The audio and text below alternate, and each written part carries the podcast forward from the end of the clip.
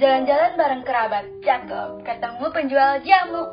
Ayo semua dengerin ngobat, banyak informasi buat kamu.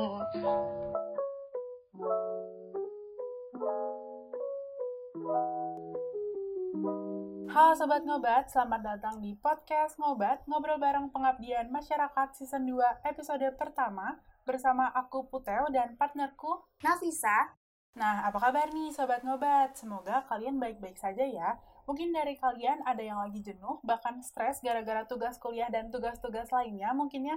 Makanya yuk dengerin podcast ini sampai habis untuk mengisi kejenuhan kalian. Bener banget Teo, dan pastinya kalian akan mendapatkan informasi-informasi penting terkait dengan topik yang akan kita bahas. Baik, sesuai dengan judulnya kali ini, kita akan membahas mengenai serba-serbi farmasi industri. Dan di sini sudah ada Kawildan, Manager Research and Development PT Harsen Laboratories, sebagai narasumber pada episode podcast ngobat kali ini. Oh ya, Kawildan juga merupakan alumni farmasi Universitas Indonesia tahun 2012 loh, Sobat Ngobat. Baik, langsung aja yuk kita ngobrol-ngobrol bareng-bareng Kawildan. Halo Kawildan, apa kabar Kak? Baik. Baik, Alhamdulillah. Aku juga baik nih Kak, tapi pusing-pusing sedikit karena tugas kuliah. Uh, kalau Putih gimana? Sama sih, baik kabarnya, cuma ya banyak tugas kuliah nih sekarang ya. Oke, berarti kita sama-sama sama baik ya, Alhamdulillah. Oke, sebelumnya terima kasih banyak ya Kak Wilda sudah meluangkan waktunya untuk menjadi narasumber di episode kali ini. Ngomong-ngomong Kak Wilda sekarang lagi sibuk apa Kak? Uh, kalau saya sekarang uh, sibuk uh, masih di industri farmasi ya, di uh, sebagai manajer research and development di PT Arsen Laboratories sama juga uh, sambilan sebagai pengajar untuk uji kompetensi apoteker di bimbel online. Wah, mantap banget ya Kak. Berarti tetap produktif walaupun lagi pandemi kayak gini. Oke deh Kak.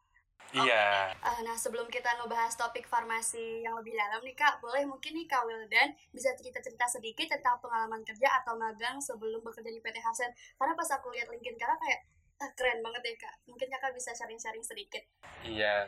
Uh, baik, uh, jadi uh, saya kan uh, kuliah di Farmasi UI di tahun 2012, lalu lulus apoteker di tahun 2017.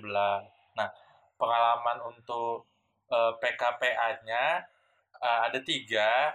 Nah, tapi yang yang jelas sih di industri farmasi ya dulu di bagian departemen QC ya di industri farmasi Medifarma Laboratory selama kurang lebih dua bulan.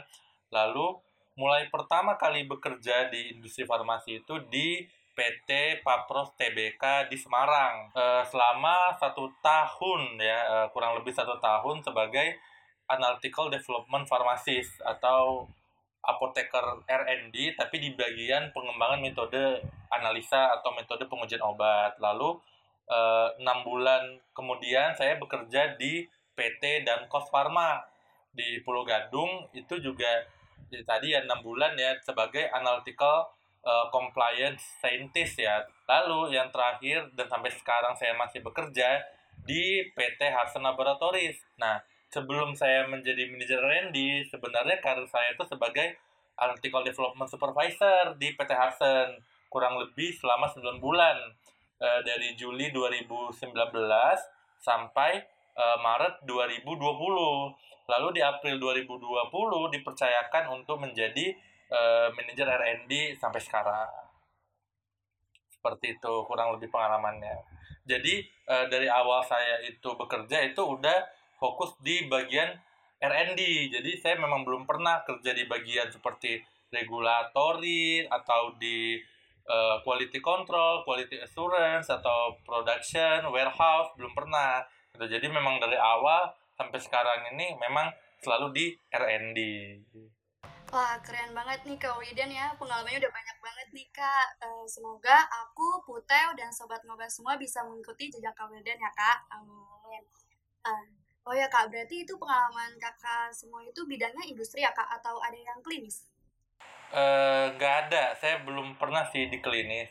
Uh, sebelumnya sih uh, pada saat dulu kuliah kan kita sudah dapat semuanya ya gitu. Jadi sebenarnya sih uh, baik apoteker industri maupun apoteker yang bekerja di bagian komunitas ya sebenarnya nggak ada masalah seperti itu karena uh, saya sebenarnya pernah ngelamar kerja di uh, klinis ya yaitu di rumah sakit UI pada uh, bulan Februari 2019 itu juga pas apoteker industri ya yang katanya itu tuh nggak uh, bisa di klinis itu sempat uh, ini juga sih uh, apa namanya diragukan kompetensinya gitu. Nah pada saat saya ngelamar seperti itu apalagi diwawancarain oleh dosen-dosen kita tercinta gitu yaitu Bu Retno dan Bu Santi pada saat itu. Saya ingat sekali momennya gitu. Cuman po, po, uh, poin yang saya ingat itu ditanya seperti ini uh, kamu kan uh, pengalamannya di industri ya berarti kan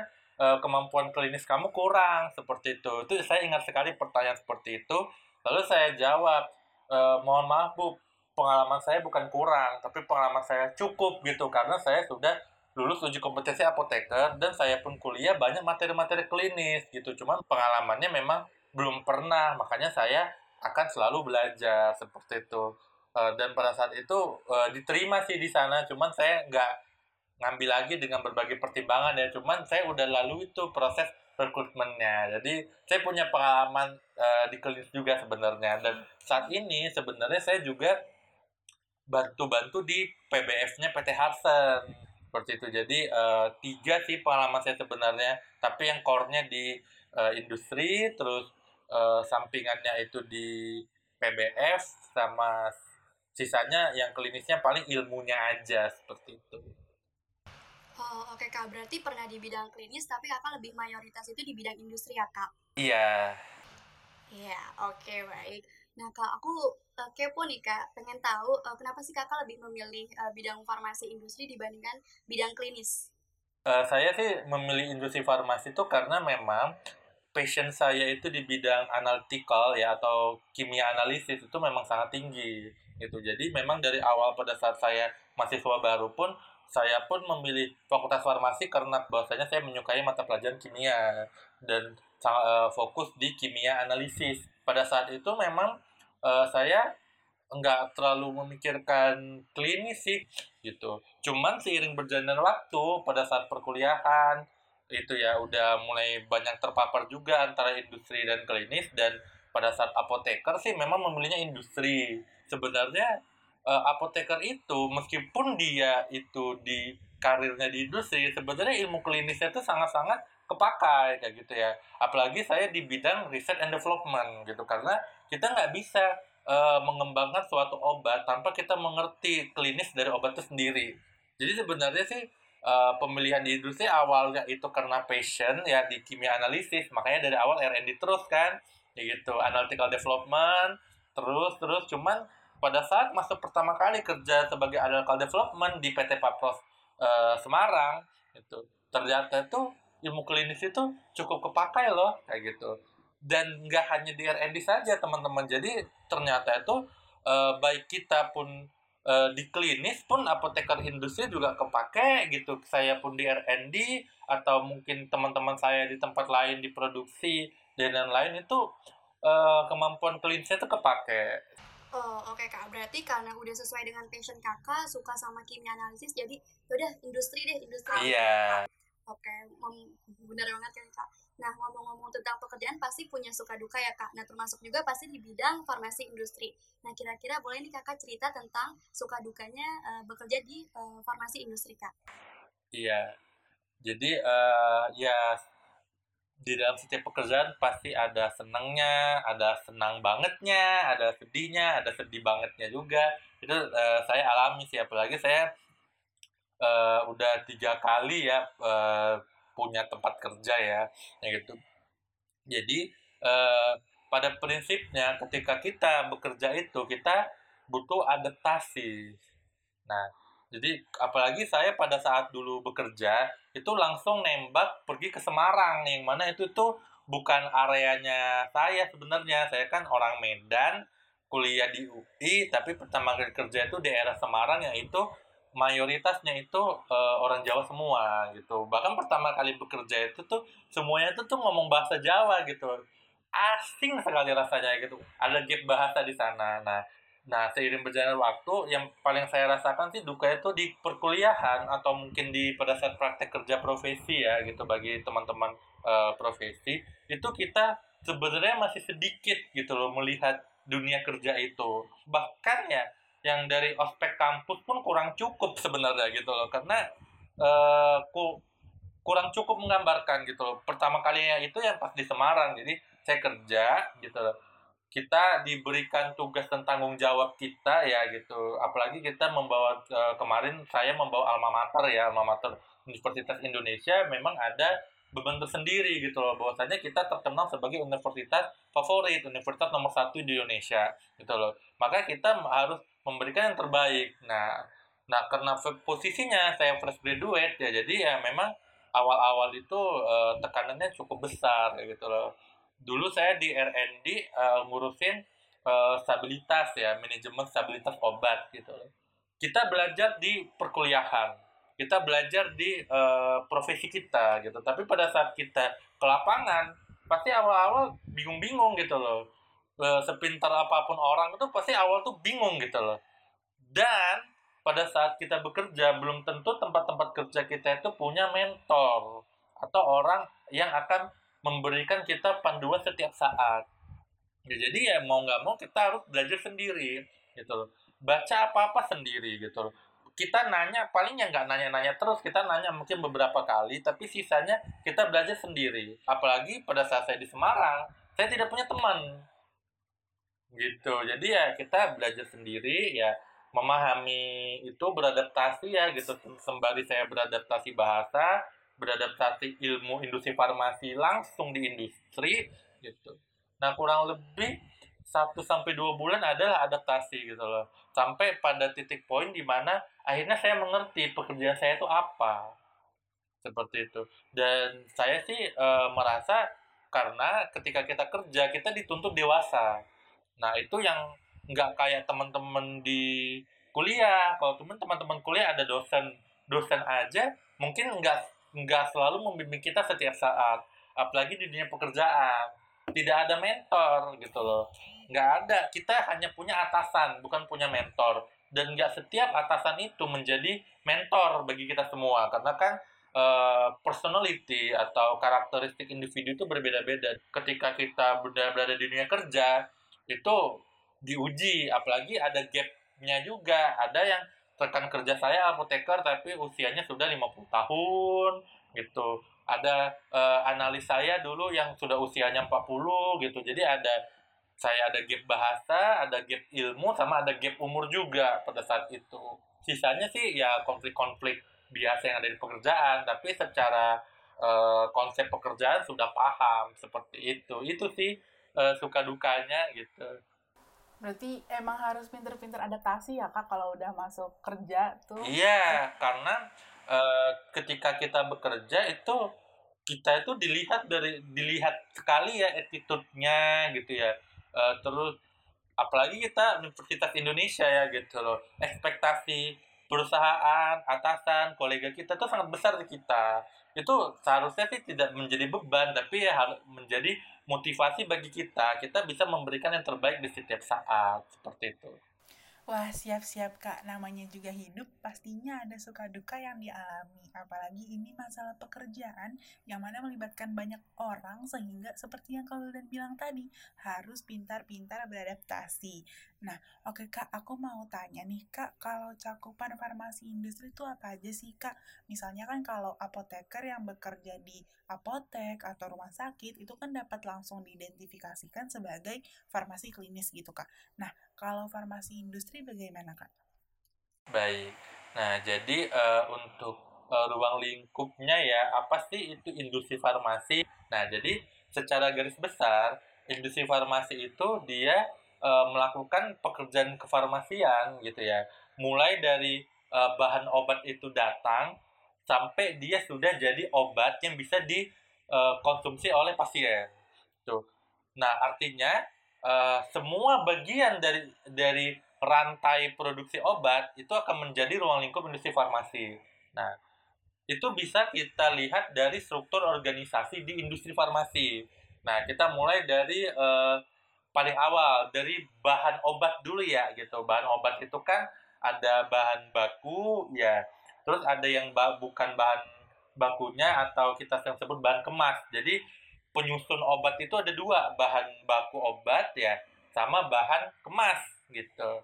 Nah, itu dimulai dari warehouse gitu ya atau dari uh, departemen gudang ya. Makanya uh, salah satu lingkup industri farmasi itu adalah manajemen uh, warehouse seperti itu, ilmu yang diperlukan. Kenapa uh, butuh apoteker di gudang? Karena obat itu sebelum dia jadi obat, kita harus kendalikan bahan bakunya gitu. Kita harus jaga mutu bahan bakunya gitu loh. Misalnya bahan bakunya itu uh, dia sensitif terhadap cahaya sensitif terhadap kelembapan sensitif terhadap suhu. Maka seorang apoteker industri farmasi di gudang harus memahami konsep quality.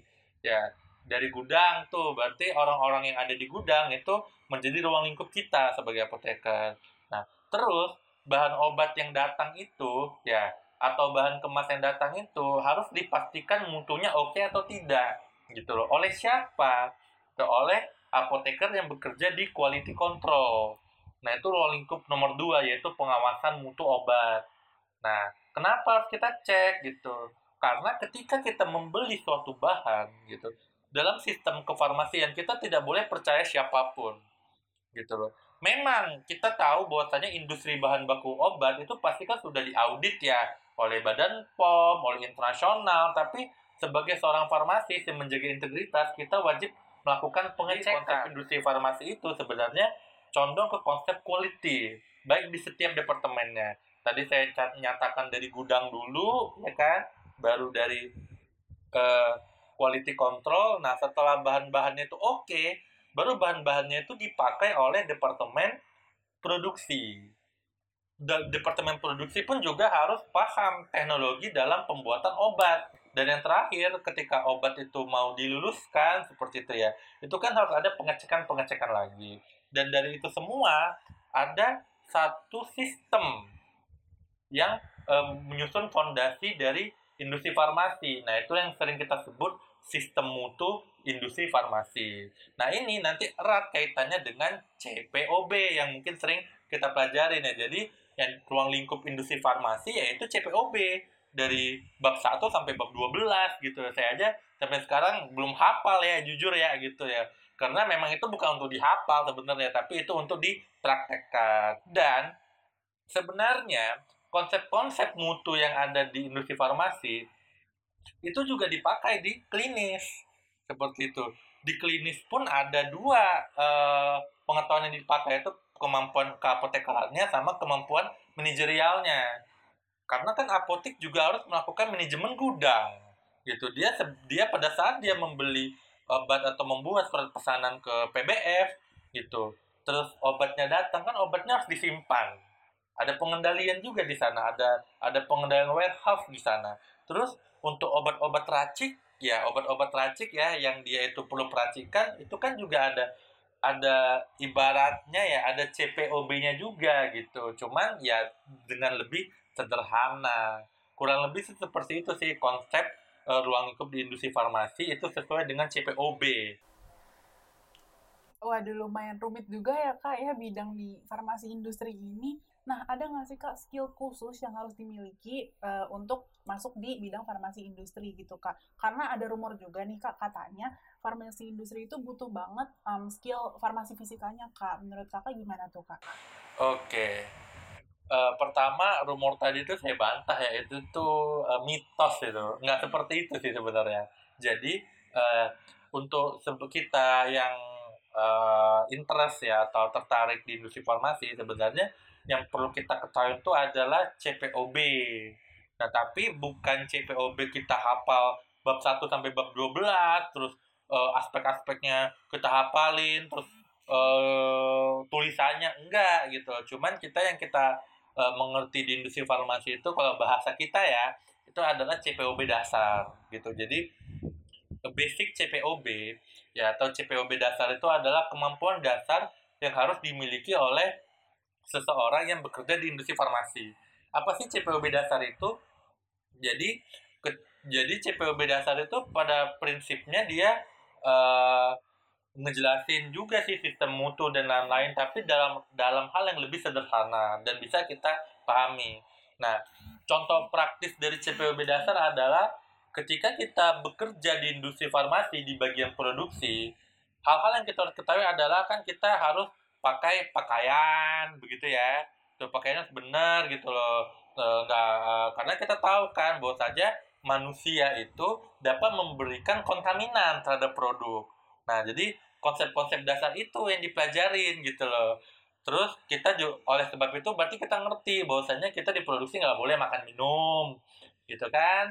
Gitu nggak boleh uh, lalu lalang. Kalau misalnya kita kerja ya kerja aja gitu. Karena kan kalau lalu lalang itu kan uh, pergerakan lebih banyak, jadi mungkin uh, bakal memberikan kontaminan gitu. Terus kita kerja itu uh, real time gitu. Artinya setiap aktivitas itu harus dicatat dan didokumentasikan.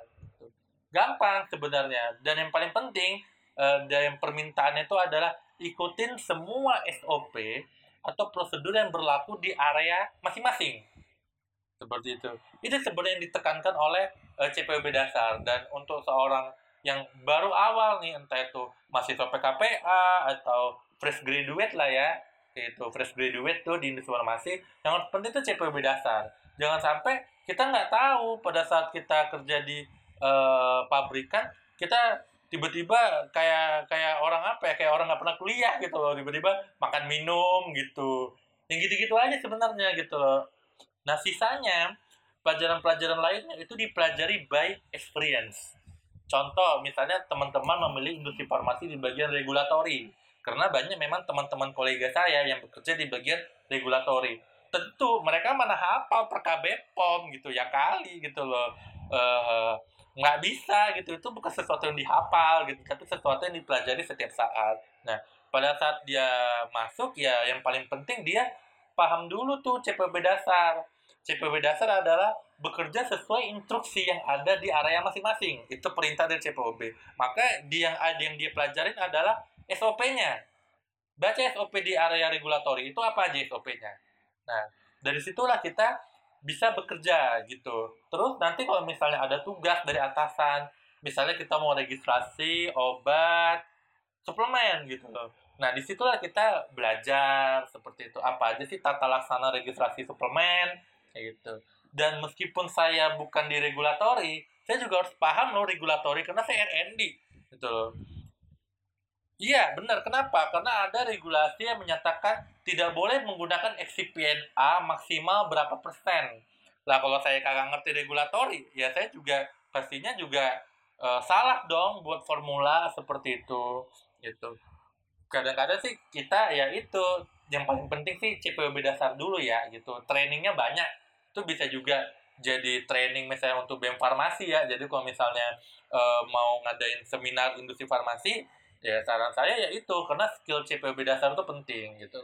CPB dasar itu bukan belajar CPB bab 1 sampai bab 12 enggak tapi CPB dasar itu adalah satu hal yang harus teman-teman pahami ketika di industri farmasi. Teman-teman tuh biar dianggap teman-teman tuh kuliah loh sebenarnya. Kayak gitu sih dari aku. Hmm, berarti emang CPOB dasar ini ya kak yang harus ditekenin banget buat farmasi industri gitu ya kak? Iya, salah satu juga contoh ininya di CPB dasar itu adalah kan tadi saya bilang semua aktivitas harus tertulis dan didokumentasikan. Nah, itu kan. Kenapa? Karena di dalam CPB dasar kita diajarin bahwasanya setiap pekerjaan itu kita harus bisa kita telusur. Kenapa? Kenapa harus ditelusur? Karena kita itu manusia itu adalah tempat berbuat salah. Kayak gitu loh. Nah, ketika kita melakukan kesalahan, kalau kita tidak catat, kita tidak tulis ya, itu kan uh, akan ketika terjadi kesalahan atau penyimpangan atau deviasi kita menjadi bingung dalam menyelesaikan suatu masalah. Makanya CPOP dasar itu salah satu komponennya adalah GDP atau Good Documentation Practice di mana teman-teman tuh uh, belajar gitu bagaimana cara mendokumentasikan yang benar gitu. Termasuk cara nulis gitu. Sederhana banget. Jadi teman-teman kalau di industri farmasi nggak boleh nulis itu pakai kalau salah pakai tip X itu haram. Ya gitu. Kenapa? Karena tip X itu mengaburkan data. Gitu makanya sebenarnya harusnya di kuliah kalian tuh nggak boleh pakai tip X biar semakin terbiasa kayak gitu. Kenapa? Tip X itu kan di misalnya kita salah tulis ya kita tip X tuh kan hilang dong uh, ininya uh, historinya gitu.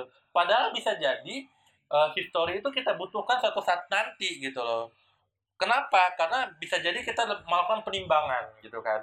Terus uh, kita salah kita kabulkan datanya. Padahal bisa jadi ada data yang kita perlukan di situ. Makanya tip X itu nggak boleh ada di farmasi. Bagi siapa pun yang menyimpan tip X misalnya di area saya itu akan saya tidak saya akan ambil gitu. Karena lumrahnya kita tuh mau gak suka namanya coretan gitu. Itu lumrah manusia itu tuh coretan itu tuh uh, pengen dihilangkan gitu nah itu salah satu konsep dasar tidak boleh mengaburkan data nah, dan hal-hal lainnya juga seperti itu di CPOB dasar. Waduh, berarti harus belajar teliti banget nih ya kak kalau mau masuk farmasi industri. Tuh sobat ngobat yang tertarik buat masuk farmasi industri harus mulai belajar teliti nih dari sekarang gitu ya. Nah, kan Kak Wildan tuh kayaknya udah hatam banget ya sama farmasi industri. Aku sampai kagum-kagum nih sama Kak Wildan. Nah, boleh nggak sih Kak ceritain perjuangannya sampai kakak bisa di titik ini gitu Kak. Sampai kakak bisa jadi manajer R&D PT Harsen awalnya sih ketika kita fresh graduate ya pasti ada lah istilahnya kayak ah uh, anak ini bisa apa sih kayak gitu ya ya kan gitu maksudnya ada stigma seperti itu meskipun nggak disampaikan secara lisan dan kita mendengarkannya nggak gitu. nah tapi poin saya pada saat saya dulu eh, PKPA ada dan juga pada saat kita kuliah sih dosen-dosen kita itu saya lupa sih dosen kita siapa yang bilang tapi pada prinsipnya adalah seorang apoteker itu tidak boleh hanya ngerti kerjaan dia saja kayak gitu tapi dia harus memahami pekerjaan teman-temannya seperti itu. Nah itu yang saya tekankan di uh, pada saat kerja pertama sekali saya kan di R&D ya di bagian analytical development. Yang saya tekankan di diri saya adalah meskipun saya apoteker analytical development bukan berarti saya tidak mengerti formulasi, bukan bukan berarti saya tidak mengerti regulasi, tidak mengerti QC, QE, produksi gitu. Jadi yang saya uh, ceritanya itu adalah meskipun saya itu hanya kerja di R&D, tapi saya tuh juga mempelajari yang lain. Dan untungnya pada saat saya itu dulu di uh, tempat kerja saya pertama itu ada program namanya program orientasi uh, pegawai baru. Itu bahwasanya memang komitmen dari perusahaan tersebut bahwasanya e, setiap orang itu harus memahami pekerjaan yang lain. Kenapa? Karena tidak tertutup kemungkinan kita dimutasi dengan berbagai alasan. Begitu. Entah mutasi karena alasan negatif atau alasan positif yang pasti setiap dari kita pasti bisa dimutasi. Itu. Teman saya dari apoteker produksi dimutasi ke analytical development. Jauh banget ya produksi tiba-tiba masuk ke analisa gitu jauh banget begitu nah, kan uh, itu sih yang saya pelajarin jadi di awal-awal itu uh, sembari bekerja saya juga belajar gitu tapi bukan belajar kayak kita kuliah ya terus dua jam gitu baca SOP-nya orang enggak gitu loh. By case aja gitu loh. Misalnya ada uh, pekerjaan gitu kan berhubungan dengan uh, quality assurance misalnya kemarin pada saat itu quality assurance apa ya? Itu stabilitas gitu ya stabilitas pasca pemasaran. Saya pelajarin juga seperti itu kadang saya tanya-tanya juga. Dan terbukti sih pada saat saya di uh, uh, PT Papros pertama kali saya bekerja saya tuh bisa ya alhamdulillah ya. Maksudnya uh, saya bersyukur saya nggak hanya ngerti Andes doang analytical development enggak. Saya ngerti formulasi. Nah akhirnya itu saya pakai di Dankos.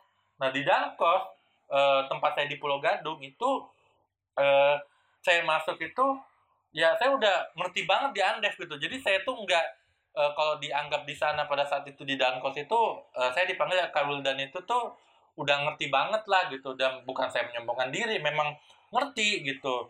Karena yang basic saya satu tahun di Semarang itu saya pelajari yang lain. Nah pas saya di PT Hudson jujur ya jujur sebenarnya pengalaman kerja saya tuh masih singkat. Jadi umumnya untuk menjadi manajer ya atau top manajemen ya di industri farmasi itu at least tuh minimal lima tahun. Lima tahun. Kenapa? Karena rata-rata begitu gitu loh. Nggak ada manajer itu pengalaman dua tahun tuh nggak ada. Nggak akan ada gitu. Nah saya pada saat itu pada saat saya diangkat menjadi manajer pengalaman saya itu cuma dua tahun tiga bulan atau dua bulan. Bahkan tiga tahun nggak nyampe. Padahal kualifikasi personil untuk menjadi manajer R&D itu lima tahun di PT Hudson pada saat itu. Nah tapi uh, saya dipilih oleh uh, manajemen meskipun kemarin tuh PLT ya pelaksana tugas ya jadi ada probationnya gitu. Ya karena kan nggak boleh. Karena memang ada di ruang lingkup kerja yang lain tuh kolega yang bilang si Wildan ini kan pengalamannya masih sedikit. Kayak gitu. Nah dan saya buktikan gitu. Oke memang pengalaman kerja saya cuma dua tahun berapa bulan dikit tapi pengalaman itu itu hanya tentang waktu ya. Jadi tiga tahun empat tahun lima tahun sepuluh tahun itu tentang waktu saya di Dankos diajarin sama manajer saya bahwasannya itu 10 tahun itu bisa dianggap dua hal. Pertama, Anda kerja 10 tahun atau Anda kerja satu tahun dikali 10. Itu berbeda. Kalau Anda kerjanya itu 10 tahun, berarti pengalaman Anda itu 10 tahun dari berbagai macam hal. Sedangkan kalau kita kerja satu tahun tapi diulang 10 kali, kita tuh cuma mengulang rutinitas. Itu yang membedakan orang-orang ketika dianggap sebagai dia menjadi leader atau pimpinan yang baik di ya R&D itu rutinitas loh gitu-gitu aja. Muter gitu regulatori muter itu itu aja. Tidak ada yang lebih tidak ada yang kurang. Tapi ketika kita mau belajar lebih itu bisa memberikan kita nilai tambah atau edit value. Nah jadi pada kan saya diangkat tuh ya jadi manajer R&D ya nih pada saat itu R&D itu terbagi atas tiga teman-teman yaitu formulasi, analisis, sama kemasan. Nah, kemasan ini itu bener-bener saya buta. Packaging development atau pengembangan kemasan itu saya tuh nggak ngerti. Saya tahu sih kemasan primer itu strip, ya blister gitu. Cuman tapi gitu-gitu doang gitu. Akhirnya saya ngerti apa itu poliselenium, ada itu PTP foil, vial, ampul, cara periksanya gitu. Itu pun saya pelajarin. Saya pelajarin benar-benar sampai supervisor saya pada saat itu tuh uh, bilang gitu Pak Wildan ini mengerti banget PECDEV bahkan saya di PECDEV aja saya nggak mengerti sama mengerti Pak Wildan pada saat itu gitu. Dan memang pada saat itu uh, perusahaan saya belum buat uh, namanya prosedur packaging development nah karena saya nggak ngerti PECDEV sekalian aja saya buatin prosedurnya. Jadi saya pelajarin itu. Bahan kemas dari zero sampai ada itu alurnya seperti apa? Itu saya yang buat gitu. Jadi akhirnya uh, meskipun saya tidak di Pekdev tapi saya akhirnya mengerti gitu. Dan bahkan saya nih posisinya nih sekarang saya lebih mencintai Pekdev daripada analisa loh. Karena akhirnya saya menemukan keseruan di dalamnya ya, jadi uh, intinya sih yang membuat saya menjadi sekarang tuh adalah uh, kita itu tuh kalau kerja itu jangan hanya kerja aja gitu. Tapi tapi itu kerjanya itu tuh ya ibaratnya kalau kita belajar itu tuh jangan hanya belajar aja tapi super belajar gitu loh. Bukan jadi kebiasaan kita mungkin ya yang sering dikonotasikan negatif tuh ambis di kuliah nggak apa-apa ambis di industri mah gitu yang penting kita jangan merugikan orang lain akibat keambisan kita gitu doang sebenarnya resepnya. Tuh jadi pun saya belajar packaging development yang saya nol to zero. Tuh akhirnya saya mengerti bagaimana cara melakukan pemilihan bahan kemas, bagaimana cara kita membuat desain bahan kemas, kita membuat mutu bahan kemas, sampai kita menguji coba bahan kemas, begitu. Akhirnya saya paham sampai bahan kemas itu diregistrasikan ke badan POM, sampai akhirnya dipakai oleh produksi, kayak begitu. Waduh ini seru juga ya dengerin Kak Wildan cerita. Nih pengalamannya seru banget ya. Dan keren juga ya Kak. Berarti Wildan ini pasti pinter banget ya orangnya ya Kak ya. Nah, tuh Sobat Ngobat jangan males-malesan lagi ya. Harus rajin belajar biar bisa meraih cita-cita kalian semua nih. Biar kayak Kak Wildan. Nah, terakhir nih Kak untuk penutupnya. Kak Wildan ada pesan gak nih Kak untuk para Sobat Ngobat terkait dengan tips memilih bidang farmasi yang tepat untuk mereka Kak? Uh, jadi untuk teman-teman ya yang uh, masih kuliah ya atau mungkin yang lagi profesi apoteker ya kayak gitu. Nah, uh, dalam teman-teman menentukan pekerjaan gitu, uh, pilihlah yang teman-teman uh, paling senangi ya atau at least paling teman-teman minatin, bukan yang paling dipentir, dipinterin loh ya, beda ya. gitu. Jadi uh, teman-teman memang kita oke okay, kita wajib uh, IPK kita bagus ya gitu. Tapi sebenarnya bukan itu inti dari semua ini kayak gitu.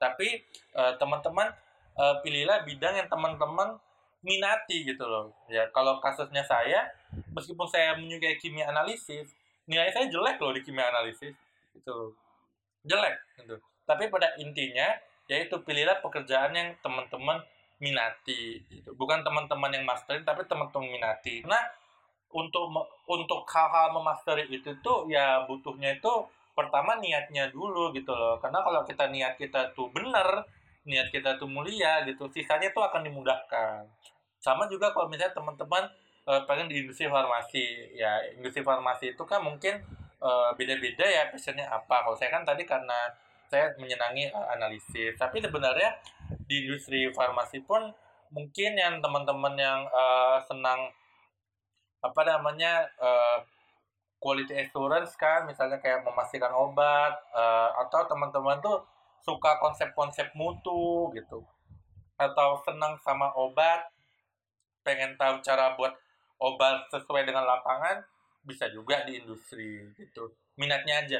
Terus gimana kalau aku nggak punya minat kak? Kayak gitu. Nah ini. Nah kalau teman-teman nggak punya minat teman-teman akan mendapatkan itu cepat atau lambat gitu. Mungkin ya awalnya ya teman-teman bekerja uh, hanya sekedar bekerja ya gitu. Tapi saat saya bagi teman-teman yang mungkin belum punya arah berarti nggak apa-apa dong memilih apa pun gitu loh mau klinis atau industri itu tidak menjadi masalah. Nah teman-teman pilih aja uh, apa pun yang teman-teman dapat bukan ngasal sih maksudnya ya bebas lah mau teman-teman pilih gitu. Tapi setelah teman-teman dapat itu coba itu dipelajari dan jadikan minat teman-teman kayak gitu. Nggak ada kok teman-teman saya dulu tuh wah saya minat banget jadi regulatori gitu. Kagak ada kayak gitu. Bahkan teman-teman saya minatnya itu ke mana ke sales loh kayak gitu. Ya minat-minat itu ke sales gitu loh. Sales pun ada farmakologinya juga tapi ya jangan tahu sekarang ya. Tuh pada akhirnya desa itu ikutin minat teman-teman passion teman-teman gitu loh. Dan setiap uh, waktu uh, yakinkanlah bahwasanya teman-teman itu di dalam industri farmasi pun maupun klinis jangan hanya pelajarin uh, kerjaan teman-teman aja tapi pahamilah prinsip yang lain karena dengan kita memahami orang lain kita lebih menghargai pekerjaan kita. Kurang lebih seperti itu ya saya Wah, siap-siap Kak. Makasih banyak nih Kak Kak Wildan atas pesan-pesannya. Dan juga terima kasih banyak sudah menyempatkan waktunya untuk sharing tentang pengalaman Kakak di bidang farmasi industri. Doain ya Kak, semoga aku, Nafisa, dan para sobat ngobat suatu saat bisa meraih cita-cita sesuai dengan impian kita masing-masing. Sukses selalu juga untuk Kak Wildan. Semoga kerjanya lancar ya Kak. Nah, gimana Sobat Ngobat? Udah ada bayangan belum terkait dengan bidang farmasi industri? Semoga episode kali ini dapat bermanfaat dan menambah ilmu kalian ya. Sampai jumpa di episode selanjutnya, Sobat Ngobat. See you!